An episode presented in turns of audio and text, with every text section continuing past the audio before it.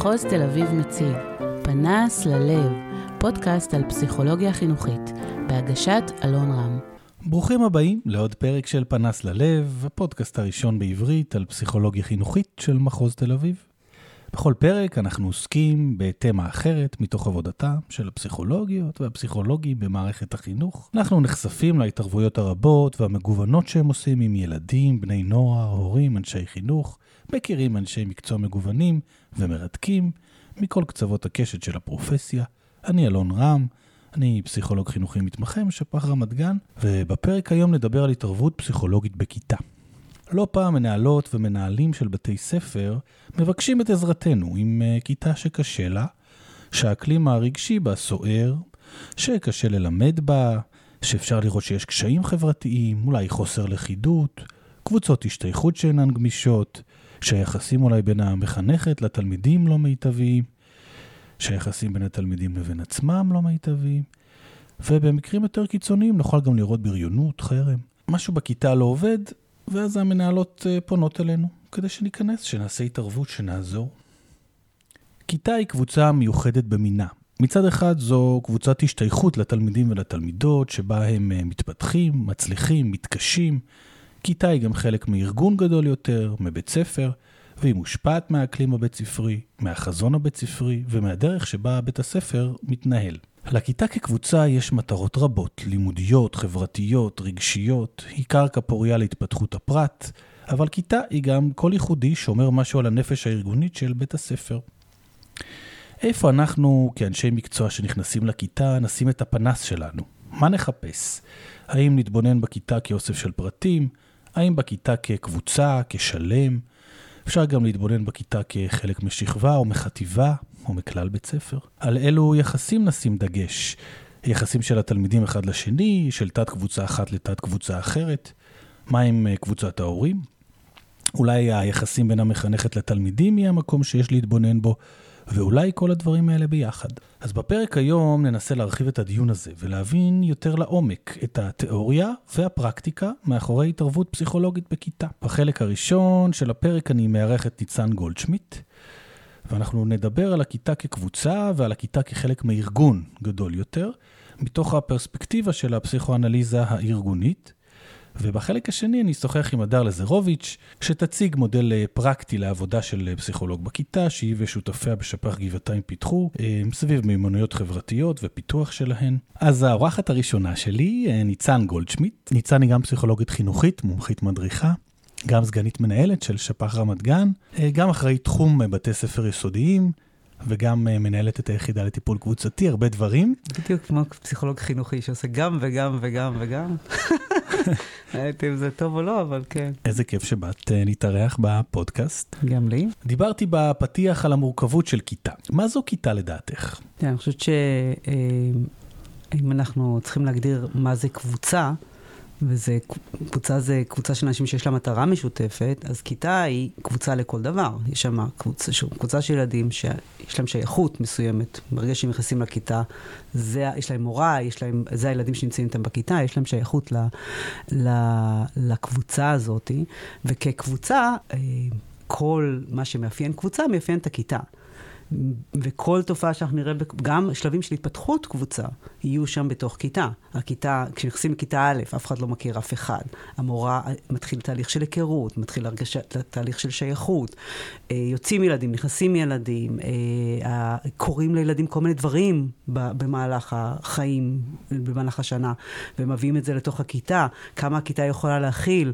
ילד שקשה לו, ילד שעצוב לו, ילד ששמח, ילד שחוגג משהו, ילד ש, שבמצוקה, כאילו הקבוצה בעצם נועדה לאפשר מרחב שנותן מיכל לכל אחד מהפרטים, להרגיש שיש לי פה מקום בטוח שאני יכול בתוכו אה, לצמוח ולהתפתח, וללמוד, וליצור חברויות, ו... להרגיש בטוח. כן, להרגיש בטוח, להרגיש שמישהו, שיש לי מקום, שמישהו רואה אותי, שמישהו אכפת לו ממני, קצת כמו במשפחה. ההתקשרות הבסיסית היא במשפחה, אבל אחר כך יש לנו התקשרויות נוספות שקורות במהלך החיים. וגם, וכמו שאנחנו רואים בתוך... בתוך קבוצה, גם שמתחיל תופעות של התנגדויות, או של ילד שהוא חריג, או כמו ילד שהוא שונה, שהוא בעצם לפעמים מראה לחלקים שלא, לא, הילדים לא רוצים לראות, או המורה לא רוצה לראות. וברגע שאנחנו רואים תופעות כאלה בקבוצה, אם לא מתייחסים, אם המורה לא רואה את הקבוצה כקבוצה, ורוצה שיש שם ריבוי קולות, ורוצה שיש שם אה, עצמאות ויכולת לקבל החלטות ולא ללכת אחרי, הרו, אחרי העדר, אלא שיש איזשהו משהו פנימי שמוביל וצומח, אז, אז התופעות שאנחנו רואים בתוך קבוצה, נהיות מתעצמות, ואז נראה ילדים שהם סיר לעזאזל ומוקיעים אותם החוצה. אה, תופעה שההמון פתאום אה, פחות רואה את האחר ויכול לעשות דברים מאוד אכזריים כלפי ילדים אחרים, כי יש משהו, כשאנחנו יודעים שבתוך קבוצה אנשים יכולים ללכת לקצה או לעשות דברים הרבה יותר דרמטיים מאשר מסוג כשהם כפרטים, כי יש משהו בהמון שממסך את ה... אז אנחנו נראה תופעות בקבוצה שאם אנחנו מתעלמים מהם, הם פועלים והם מנהיגים את ה... הם, הם מובילים את, ה, את, ה, את הפרטים למקומות פחות טובים. אני חושבת שחלק מההסתכלות הקבוצתית היא בסופו של דבר לאפשר צמיחה והתפתחות מיטביים לכל פרט בתוכה. את מדברת על כך שהקבוצה היא מצע שאפשר אה, לצמוח בו, ושחשוב להסתכל על תהליכים קבוצתיים בכיתה, אחרת הקבוצה או הכיתה יכולים להתפתח לכיוונים פחות טובים. אבל איך אפשר לקחת למשל חולשה או קושי של ילד או ילדה בכיתה ולהפוך אותם להזדמנות להתפתחות? ילד שהוא דחוי, ילד נגיד, ילד אה, שמן, אוקיי? שנמצא בכיתה, ילד עם בעיה, עם בעיה של עודף משקל, ואם אנחנו נסתכל על זה בהסתכלות קבוצתית, בעצם הילד הזה מביא חולשה שלו לכיתה. כי, הוא, כי יש לו עודף משקל, ובתרבות שלנו עודף משקל נחשב חולשה, בוא נגיד, אבל אם המורה יכולה לקחת זה ולהגיד שבעצם לכל אחד מהילדים יש את החולשה שלו, יש אזור שהוא מרגיש איתו פחות נוח, הוא מרגיש אחד, לא משנה באיזה תחום, כל אחד יש לו את החולשה שלו. ואם בעצם היא יכולה רגע לפזר ולהעביר מהילד הזה לשאר הילדים בקבוצה, ולהגיד, אבל כל אחד יש לו דברים שהוא פחות טוב בהם, שהוא מתבייש בהם, שהוא מרגיש לו נוח, שהחברה מתייגת אותם כמשהו שהוא פחות אה, טוב אצלנו. אנחנו מדברים על ביון ואחרי זה על פוקס, כתיאורטיקנים המרכזיים בגישות האלה שמתייחסות לקבוצה ולכוח של הקבוצה. ולחשיבות שלה בהתפתחות הנפשית שלנו. ביון התחיל את זה להסתכל על הכוח של הקבוצה ולהגיד, יש, יש לקבוצה כוח. לא רק לפרטים, זה לצאת מהתפיסה של פרויד על הפסיכואנליזה הפרטנית, שאומרת יש מודע ויש לא מודע ויש מבנה נפש, וזה לא, והפרט מושפע מכל מיני תהליכים. בא ביון ואחר כך פוקס, הוא אומר, יש את הפרט, אבל יש גם את הקבוצה. אנחנו מסתכלים על הקבוצה גם כמצע ש... בתוכו הפרט גדל ומתפתח. Mm. פוקס התייחס לזה שה... כאילו הפרט שזור בתוך מערכת, אה, הוא קרא לזה רשת חברתית, הרבה לפני שהוקמה האינטרנט והרשתות החברתיות שאנחנו שזורים בהן כרגע, ובעצם להסתכל על ה... על ה, מה שקורה בתוך הרשתות בין האנשים, בין הפרטים, ששם קורים המון המון דברים שהם מאפשרים קרקע להתפתחות וצמיחה של הפרט. והמרחב התפתחות בתוך קבוצה הוא, הוא עצום, כי כשאנחנו מסתכלים על, על, על קבוצה, מה שמאחד, הרבה פעמים מאפיין קבוצות, זה שאני יכולה לראות את עצמי בהמון מראות. כמו שיהלום אמר, נכון? כמו שארווין יהלום. כן, ואני יכולה לראות את עצמי בהמון מראות, ויש לי המון מרחב של לראות חלקים בעצמי. שלא תמיד אני יכולה לראות אותם זה רק אני עם עצמי או אני מול מישהו אחר. ולא תמיד אני רואה חלקים שאני אוהבת לראות, ולא תמיד אני רואה חלקים שהם רצויים בעיניי. ואני חושבת שה... הקבוצה מכריחה אותי להתמודד גם עם חלקים שהייתי מוכנה לוותר עליהם. האם uh, התערבות של פסיכולוג חינוכי בכיתה מחייבת uh, uh, אותו להיכנס לכיתה בעצם, לפגוש את הילדים? לא, אני חושבת שהתערבות פסיכולוגית בכיתה זה עבודה עם המורה על לראות את הדינמיקות ואת התהליכים הפסיכודינמיים שקורים בכיתה. אנחנו, אנחנו, אני חושבת שלפעמים פסיכולוג ייכנס לכיתה, אה, לעשות מודין לכיתה, אבל תמיד כניסה לכיתה תהיה בסופו של דבר עם מטרה שהמורה תוכל לקחת את מה שהיא למדה ולעשות את זה בשנה הבאה עוד פעם, והיא לאט לאט תתרגל, וכל פעם שהיא תגיע לכיתה מורכבת, שהיא תגיד לפסיכולוג, אני לא אומרת, בכיתה הזאת אני לא מצליחה לעשות את זה. יש שמה, כי יש שם ילד שנגיד נוגע לה בנקודה מאוד אישית ומשתק אותה ביכולת לראות, לשמוע עוד קולות, אז היא תבקש את העזרה של הפסיכולוג כדי לאפשר לה לעשות עבודה עם הכיתה. העזרה עם הפסיכולוג יכולה להיות בשיחה מחוץ לכיתה. יכולה להיות בפגישות אישיות מחוץ לכיתה, יכולה להיות פגישה חד פעמית, ויכולה גם להיכנס ביחד לכיתה. אבל אנחנו לא חייבים להיכנס פיזית. כמו שאני מדריכה הורים, אני לא נכנסת אליהם הביתה, וממש מדריכה אותם באיך לדבר, אני מדברת עם הילד במקומם. אני חושבת שהכניסה לכיתה היא הרבה פעמים במקומות אה, מורכבים יותר, במקומות שהמורה... אה, פחות מרגישה שהיא יכולה לעשות את זה לבד. ובמקרים האלה, כשאנחנו נכנסים לעשות את ההתערבות בכיתה ומעבירים אותה ביחד עם המורה, מה ככה הדבר הראשון שאנחנו צריכים לבסס כדי שיהיה אפשר לעשות עבודה פסיכולוגית משמעותית עם הכיתה? אני חושבת שפה אני חוזרת לטיפול הקבוצתי, כי בתוך הטיפול הקבוצתי, כדי ליצור מקום בטוח וכדי uh, לאפשר uh, uh, עבודה בתוך קבוצה, אנחנו צריכים לראות קודם כל מבנה שהוא אה, ברור, שהוא מוגדר, כל מה שאנחנו קוראים אדמיניסטרציה דינמית, שהחלק של לבנות הקבוצה, שיודעים מתי נפגשים, איך נפגשים, כמה זמן, מי בקבוצה, באיזה חדר, מה הכללים בקבוצה, מה קורה אם מישהו לא יכול להגיע, מה קורה אם מישהו מאחר, אה, אוכלים, לא אוכלים, אה, טלפונים, כאילו בכל התנאים האלה. ברגע שאנחנו רוצים את התנאים האלה, אז יש איזושהי מסגרת שבתוכה אפשר לתהליכים, התהליכים יכולים לצמוח. עכשיו, הכיתה... אה, אה, היא מסגרת יותר פרוצה. נכנסים המון מורים, יוצאים נכנסים מורים, הילדים לא תמיד ההרכב הוא אותו הרכב, כאילו הילדים חלקם חסרים, חלקם יש לא. יש שיעורים, יש הפסקות. המבנה מאוד מורכב. יש לי, אני, אני בספורט עם הכיתה השנייה, ואני באומנות עם הקבוצה הזאת, עם הכיתה הזאת, כאילו יש, המבנה הרבה יותר מורכב. לפעמים יחד במהלך הבית ספר, לפעמים חלקם יחד גם בצופים או בחוגים אחרים אחרי. צהריים. יש, שם, יש קבוצות המון, וואטסאפ. נכון, יש, יש קבוצות וואטסאפ של חלק מהילדים, של כל הילדים, יש המון המון מורכבות. אבל עדיין, אני חושבת שהתפקיד של המורה, הבסיסי הוא ליצור איזשהו מיכל שבתוכו הכיתה עובדת, שאני יודע מה הולך לקרות, שאני יודע מה הסדר יום בכיתה, שאני יודע אה, מה קורה, שאני יודע שהמורה מגיעה ובכל בוקר יש לי אה, שעה, רבע שעה עם המורה, יש בתי ספר עושים כל יום רבע שעה בבוקר, פתיחה עם המורה, שרואה את הילדים שמגיעים לבית ספר, רגע מרגישה את הדופק. מה שאת אומרת פה בעצם זה ש... על ידי אה, אה, איזשהו modeling שאנחנו נעשה עם הקבוצה השבועית שאנחנו מעבירים לכיתה, המורה יכולה ללמוד אה, מאיתנו איך בעצם מייצרים מיכל שאינו דולף. אז אנחנו באיזשהו מסע להבין מה זה התערבות פסיכולוגית בכיתה. דיברנו על כך שהכיתה היא קבוצה. ולכן אנחנו, אנחנו רוצים להעלות את הקולות שלא מדוברים החוצה, אבל דיברנו על זה שהאישות הכיתתית היא מיוחדת, כי היא בתוך ארגון, אז כבר התחלנו לדבר על העניין המערכתי. זאת אומרת, על העבודה, על החשיבות של העבודה שלנו עם המורה. גם במודלינג, במהלך הקבוצות שאנחנו עושים, גם אולי בשיחות ופגישות מחוץ לקבוצות האלה, על לעבוד עם המורה, לעזור לה לראות איזה כדורים היא לא מלהטטת, או איזה כתמים עיוורים יש אה, כרגע אה, בעבודה שלה מול הכיתה.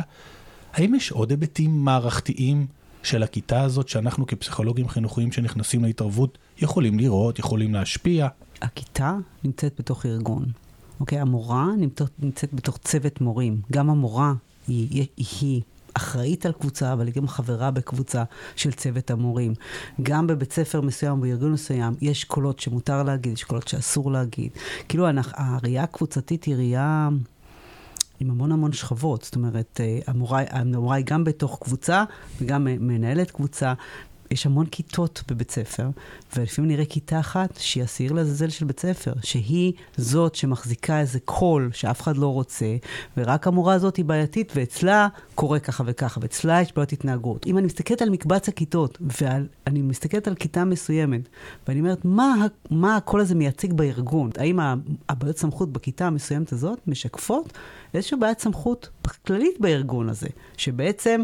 היא מייצגת איזשהו קול ארגוני שאם לא נקשיב לו, אה, אז, אז אנחנו, אנחנו משתיקים קול נורא חשוב שיכול לעזור לארגון לצמוח ולהתפתח. יש לך איזושהי דוגמה מעניינת להתערבות שעשית בבית ספר, נכון? פנתה אליי מנהלת ואמרה, התלוננה על איזשהו אירוע שמורה דיברה בצורה מאוד אה, לא, לא נעימה כלפי הילדים, אוקיי? ממש בצורה קצת בוטה. ואז פנתה המנהלת ואמרה לי, תקשיבי, אי אפשר יותר עם ה... זה לא יכול להיות. היא לא יכולה להתנהג ככה בארגון הזה, אני בסוף שנה נפרדת ממנה.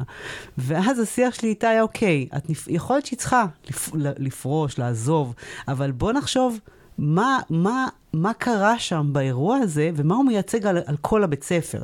מה המורה הזאת, בחוסר סבלנות שלה כלפי אותם תלמידים, שהיא כעסה שהם לא, הם לא מספיק, אה, אה, הם לא, הם, לא, הם לא משקיעים, הם לא, עושים, הם לא עושים כלום. היא צריכה לדחוף ולדחוף, זאת אומרת, נורא קל לנו לשים את זה עליה ולהגיד, טוב, היא צריכה, לא, היא לא, די, היא לא צריכה להיות במערכת, ולא להקשיב למה קורה למורים באותו ארגון מול הילדים האלה.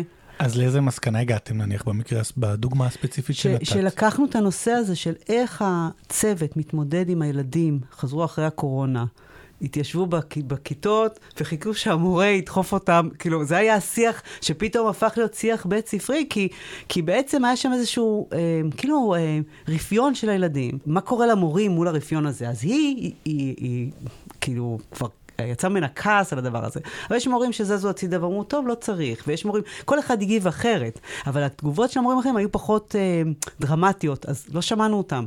אבל ברגע שיכולנו לעלות את הקול הזה, לשמוע את הקול ולהסתכל עליו כקול ארגוני, בית ספרי, לא, כל, לא איש אישו של המורה הספציפית הזאת, זה לא בעיה שלה שהיא התפרצה. את אומרת אה, שכל תופעה בבית ספר אפשר להתייחס אליה גם כתופעה פרטנית וגם כתופעה ארגונית. יש המשגה נוספת שככה מתקשרת לי לזה, שנקראת תהליכים מקבילים. נכון, למשל, אם אנחנו מדברים על תוקפנות, אז תוקפנות בין התלמידים בכיתה אה, יכולה להיות ברמה הזאת של התלמידים, יכולה גם להעיד על איזשהו תהליך מקביל שקורה בתוקפנות של אה, מחנכת או מורים כלפי הכיתה. וגם אפשר לעלות רמה ולדבר על אולי תוקפנות שקיימת בין המנהל לבין המורים של הכיתה. כך אה, נוצרים תהליכים מקבילים שמשעתקים את עצמם ומתרחשים ברמות שונות של הארגון במקביל. ניצן, תודה רבה על השיחה המרתקת, היה מהנה ומעניין. גם לי. פנס ללב, פודקאסט על פסיכולוגיה חינוכית. האורחת השנייה שלי לפרק היום, הדר לזרוביץ'. אה, שלום הדר. בוקר טוב, כיף להיות כאן. אה, אנחנו אה, ככה למדנו ביחד, אנחנו מכירים כבר שנים. נכון, סגירת מעגל שכזו. והדר היא פסיכולוגית מתמחה, היא שנה שנייה, היא עובדת בשפ"ח גבעתיים.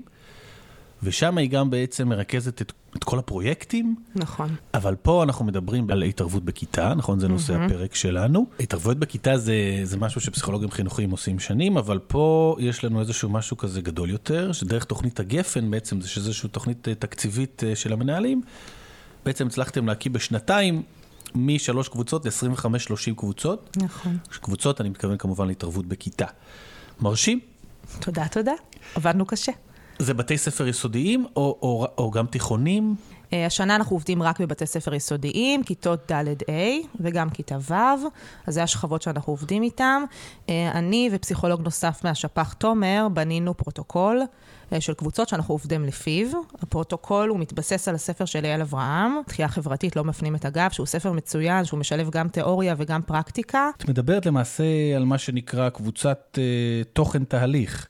כלומר, קבוצה שהיא מוכוונת אה, לאיזשהו נושא או איזושהי תמה, ובמקביל גם לתהליך שהמשתתפים עוברים. ואנחנו מחפשים את נקודות ההשקה בין התוכן לתהליך. איפה הנושא או הנושאים שבהם עוסקת הקבוצה פוגשים את הכאן ועכשיו, את מה שמתרחש כרגע. האומנות שלנו, בין השאר, זה גם אה, לזהות את הרגעים האלה, נכון? ו- ולייצר איזשהו חיבור בין מה שקורה עכשיו, שמייצג את התהליך שהקבוצה עוברת, ובין הנושא שבו הקבוצה עוסקת. אני יכולה להגיד על זה שזה משהו שאני מאוד מתחברת אליו בנושא של קבוצות, וזה משהו שגם אצלי התפתח עם הזמן בתוך, אה, בתור מנחה של קבוצות, שזה עבודה עם הכאן ועכשיו. בתחילת הדרך הייתי יותר נצמדת לתוכן ולמטרה, ויש כל הזמן את המתח הזה, בין המטרה שאני צריכה להשיג ולבין דברים שעולים בכאן ועכשיו, שאני רוצה להתייחס אליהם, וזו עבודה אמיתית בתוך קבוצות. בדיוק אתמול העברתי קבוצה, והיינו בנושא של רגשות. ויש, זו כיתה שמאוד עסוקה בנושא של תחרותיות, והישגיות, וספורט. המון בנים שם נמצאים בנבחרות רציניות ומקצועיות של כדורסל וכדורגל, וגם הבנות. אה, ואחד הילדים מצא לנכון ממש להעלות את הנושא הזה, שיש לו השבוע משחק מאוד מאוד חשוב, הוא הקפטן של הקבוצה, והתחלנו לדבר על התחושות שעולות, נתתי מקום לדבר הזה, כי אני יודעת שזה גם משהו שחשוב לכל הכיתה, הנושא הזה. אה, והוא העלה תחושות פחות טובות. ואז דיברנו כמה המקום הזה של הספורט ושל משחקי ספורט, איזה רגשות הם יכולים לעלות. ואיפה עולים רגשות חיוביים, ואיפה עולים רגשות פחות חיוביים, ומתי זה קורה לנו. אז השתמשנו בכאן ועכשיו, אבל כן גם קישרנו את זה לנושא של הקבוצה. בואי נדבר על הפרוטוקול שבניתם לטובת ההתערבויות הכיתתיות. אנחנו מדברים על פרוטוקול שעוסק בנושא החברתי, נכון? בפיתוח מיומנויות חברתיות. אז זה פרוטוקול אה, בעצם שבנינו אני ותומר, שהוא פסיכולוג אה, נוסף בשפ"ח. אה, זה פרוטוקול שבעצם מתבסס על הספר של יעל אברהם, של דחייה חברתית. היא בעצם מדברת גם על עבודה פרטנית וגם על עבודה קבוצתית, ונותנת המון רעיונות, ומתייחסת גם לפרקטיקה ולא רק לתיאוריה. מה שאנחנו עשינו, אנחנו בעצם בנינו מודל של עשרה מפגשים, שהוא מערב גם את המחנכת, באופן שבו אנחנו נפגשים לפני הקבוצה עם המחנכת ועם היועצת. שם אנחנו גם עושים חשיבה על הכיתה, מה בעצם מטרת הקבוצה, למה הם קראו לנו, מה הצורך. אנחנו גם עוזרים לה לחלק את הילדים לקבוצות, זאת אומרת, אין לנו היכרות מוקדמת לילדים, אנחנו כן נותנים לה קווים מנחים לחלוקה. ואז יש לנו בעצם שמונה מפגשים עם הילדים. כל קבוצה בנפרד, אנחנו לוקחים כיתה ומחלקים אותה לשלוש. למה דווקא לשלוש? מרגיש לנו ששמונה, עשרה ילדים בקבוצה, זה, זה מקום טוב לעבודה. אם אנחנו מחלקים את הכיתה לשלוש תתי קבוצות, אנחנו מחפשים בעצם לייצר אינטגרציה, אבל פה אנחנו מפצלים את הכיתה. איך, איך בעצם אנחנו יכולים אחרי זה לחבר בחזרה את הכיתה? שאלה מצוינת, אז בגלל, בגלל שחשוב לנו שהעבודה אחר כך תמשיך, כי זו גם התערבות שהיא מערכתית, אז אנחנו כן עושים מפגש מליאה. שזה מפגש של כל הכיתה, שבו אנחנו עושים באמת אינטגרציה של כל מה שעברנו בקבוצות, וחשיבה הלאה. איך אנחנו ממשיכים את מה שעשינו בקבוצות, וזה מפגש שהמחנכת משתתפת בו. אז בעצם איזה שלבים יש לנו בפרוטוקול הזה, בעבודה שלכם אה, עם הכיתה? אוקיי, okay. אז כמו כל קבוצה, אנחנו נתחיל באיזושהי היכרות, היכרות של חברי הכיתה, היכרות של הכיתה עם המנחה. אה, קצת עבודה, ל... אני חושבת שזה מאוד מעניין, מה זה פסיכולוג בכלל ומה התפקיד שלנו בתוך הכיתה.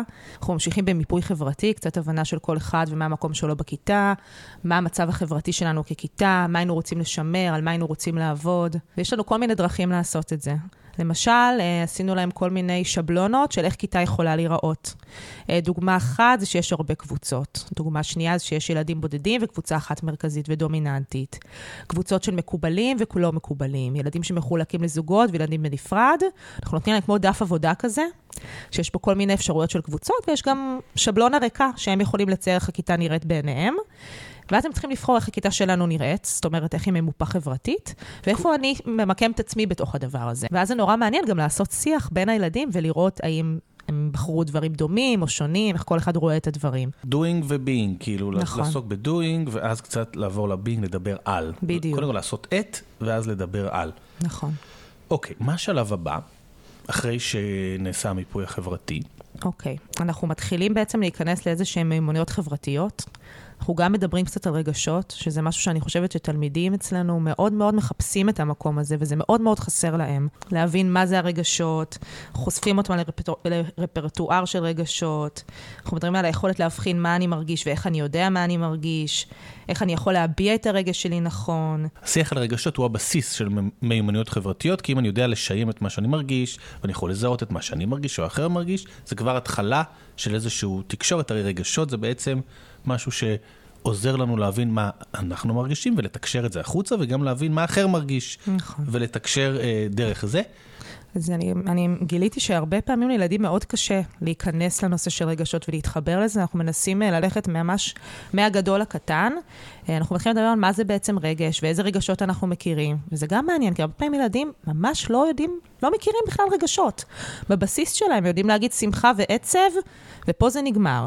לעומת קבוצות, אתמול הייתה לי קבוצה מאוד מפתיעה של ילדים שהגיעו למשהו כמו 40 רגשות שהם מכירים. וואו. וזה היה מדהים. והם דיברו על רגשות כמו חמלה, וגעגוע, ואיפוק. רגשות שהם ככה יותר מורכבים. משם אנחנו עוברים קצת לדיבור על אמפתיה. שזה בעצם רגש מאוד uh, מורכב וחשוב, אבל זה השלב הבא גם. נכון, נכון. פה כבר עברנו לשלב הבא. מה זה בעצם אמפתיה? זה משהו שהרבה פעמים ילדים בכלל לא מכירים את המונח הזה.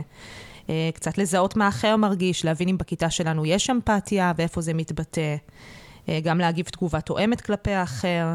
אה, אנחנו מדברים על אמפתיה, אנחנו משחקים איזשהו משחק קופסה שנקרא מה קורה כאן.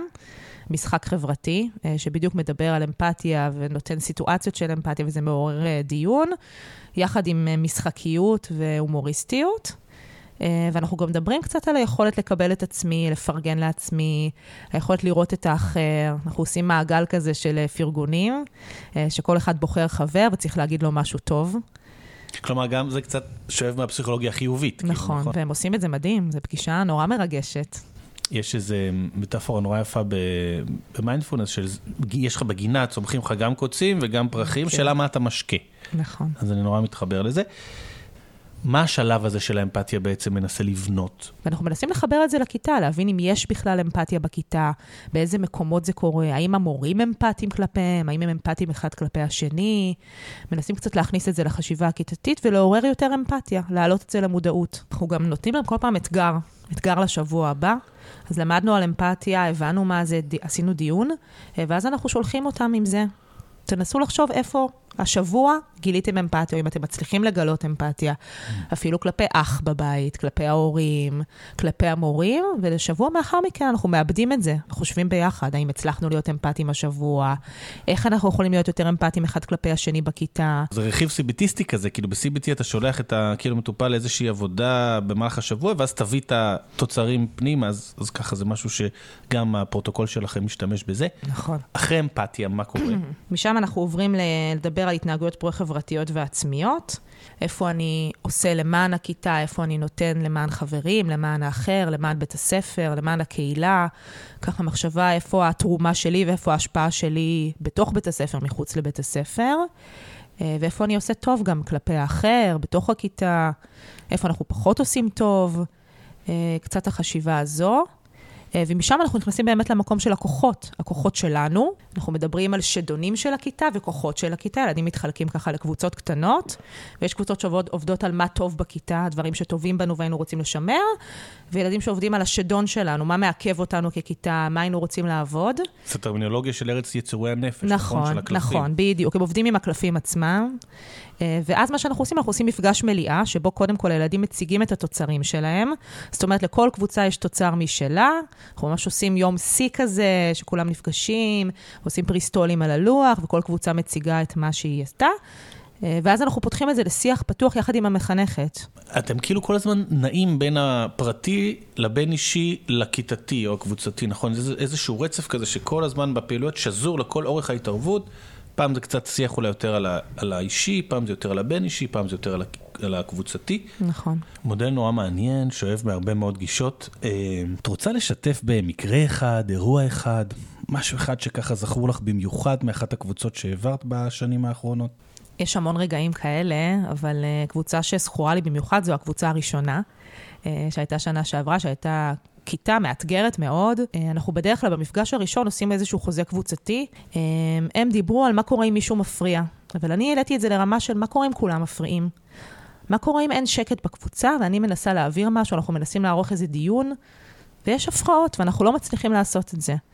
והם עלו על, מעצמם על איזושהי טכניקה של משהו עם מחיאות כפיים ואיזשהו מקצב גוף, שמישהו אחד מתחיל את המקצב, כולם מצטרפים אליו, וברגע שכולם קולטים שזה קורה ועושים את המקצב, נהיה שקט. וזה עבד. זה עבד, זה בא מהם וזה עבד, ושבוע אחרי זה הם שיתפו אותי שהם עשו את זה בכיתה. את אפשרת איזשהו מרחב לחשיבה קבוצתית, והקבוצה גיבשה איזושהי נורמה חדשה. דוגמה מדהימה בעיניי, וגם איזה דרך יצירתית ויפה. אני יכולה לתת דוגמה גם על ילדה ספציפית שעכשיו עולה לי לראש. דיברנו על התמודדות עם עלבון, כי היו הרבה עלבונות בכיתה הזו, והרבה חוסר כבוד, גם אחד כלפי השני, וגם כלפי המורים, המקצועיים והמחנכת. ואז הייתה פעילות שביקשתי מהם כל אחד לכתוב עלבון שהוא מת, התמודד איתו או מתמודד איתו בכיתה. היא כתבה שהיא בעבר הלא רחוק שלה גמגמה, שנורא צחקו על זה בכיתה, ושזה משהו שנורא יושב עליה. והיינו לקראת מפגש מליאה, ואני יודעת שזו ילדה עם כוחות שיכולה להתמודד. שאלתי אותה, תגידי, זה משהו שהיית מרגישה בנוח לדבר עליו במפגש המליאה? כי הם דיברו גם על, ש... על השדון הזה, זה בדיוק היה השדון שלהם, של הצקות והתמודדות עם עלבון. והיא אמרה, כן, אני חושבת שזה יעשה לי טוב לעשות את זה, שאולי זה קצת ישחרר אותי. ואותה ילדה עמדה מול כל הכיתה ושיתפה. ושיתפה בדיוק בדבר הזה, בכמה היה לה קשה, ומה היו התגובות, ואיך היא הרגישה. וזה היה מדהים, והמחנכת חיבקה אותה, והייתה כל כך אמפתית לדבר הזה. וזה היה קרקע לעוד ילדים, להביע את הרגשות שלהם ולהגיד, גם אנחנו מרגישים ככה. זה ממש מתחבר לשיח שלי מקודם עם ניצן, על כך שכשמאפשרים ביטוי לקולות שונים בכיתה לעלות ומעלים אותם למודע הכיתתי, בתיווך נכון זה יכול לאפשר לילדים נוספים להתחבר לכאבים שלהם ולמה שקשה להם. וזו התפתחות נפשית, אישית, בין-אישית וקבוצתית. איך את רואה את הייחודיות של הפרויקט הזה אה, שאת בעצם מנהלת, גם מנחה חלק מהקבוצות? אז אני חושבת שקוד... שיש המון יתרונות uh, לפרויקט הזה, והוא מאוד מאוד מיוחד בעיניי. אז אני אמנה כמה דברים ככה שאני, שעולים לי לראש. קודם כל, יש הטרוגניות מאוד גדולה בתוך הקבוצה. אה, בשונה מקבוצות של מיומנויות חברתיות שאנחנו עושים בדרך כלל, שמגיעים טייפקסטים מסוימים של ילדים, פה מגיעים ילדים גם עם קשיים חברתיים, אבל גם ילדים שאין להם קשיים חברתיים. ואז בעצם יש איזשהו modeling מעניין בתוך הקבוצה, שילד שיש לו קושי יכול ללמוד מילד אחר, ולא רק מהמנחה. אה, עוד דבר זה העניין המערכתי, שהוא בעיניי נקודת החוזק של קבוצות בתוך בית ספר, שיש פה מחנכת שמעורבת בתהליך, ויש פה המשכיות של תהליך. אה, ואפילו יש פה משהו של קהילה. יש פה עדים של הקבוצה, מנהלת שמרוצה מקבוצות ומוציאה אותה מחוץ לבית ספר וגורמת לעוד קבוצות uh, להתקיים. Um, וגם יש פה איזו אחריות שמערכת לוקחת. היא אומרת, יש פה קושי כיתתי, יש פה קושי באקלים של כיתה, אנחנו רוצים לעשות עם זה משהו. יש פה מסר גם ברמת הקהילה. Uh, ויש פה גם עניין של באמת השקעה מצד בית ספר, זה הקצת משאבים לדבר הזה, זה זמן, לוגיסטית, זה הרבה פעמים לא פשוט. אה, ומה שהכי חשוב, אני חושבת, זה המרחב שנוצר בתוך הקבוצות. מרחב שיתופי, שמעורר שיח רגשי. זה לא קורה במקומות אחרים. זה משהו אינטימי שנוצר בתוך הקבוצה. אה, זה פסיכולוג שנכנס לקבוצה, שמייצר אווירה של קבלה והכלה והקשבה. עוד משהו שקורה הרבה בקבוצות, זה שבאמת בגלל שפסיכולוג נכנס ורואה ילדים, יש פה הרבה פעמים איתור, והמשך תהליכים גם פרטניים עם ילדים. זאת אומרת, ילדים שאנחנו רואים שעולה קושי התנהגותי, קושי רגשי בתוך הקבוצה, שהרבה פעמים המחנכת לא רואה אותו או לא עולה בתוך הכיתה, אז אנחנו ממשיכים את ההתערבות הלאה, אנחנו מפנים את הילדים לטיפול, אנחנו ממשיכים עבודה עם פסיכולוג בית ספר, עם היועצת. אה, זה גם ככה משהו ייחודי, האיתור הזה שקורה בתוך הקבוצות. מהמם, איפה היית רואה את הפרויקט הזה נניח עוד שנתיים-שלוש? הייתי רוצה להמשיך להתרחב אולי לעוד קהלים, זאת אומרת, עבודה אולי בתיכונים, בשכבות קצת יותר גבוהות, אולי גם בגנים, צריך לעשות הרבה התאמות, אבל כן הייתי רואה את הפרויקט הזה הולך ומתרחב לעוד אוכלוסיות יעד. איזה יופי. הדר, תודה רבה. תודה רבה, היה תענוג. אה, גם לי. תודה. תודה לך.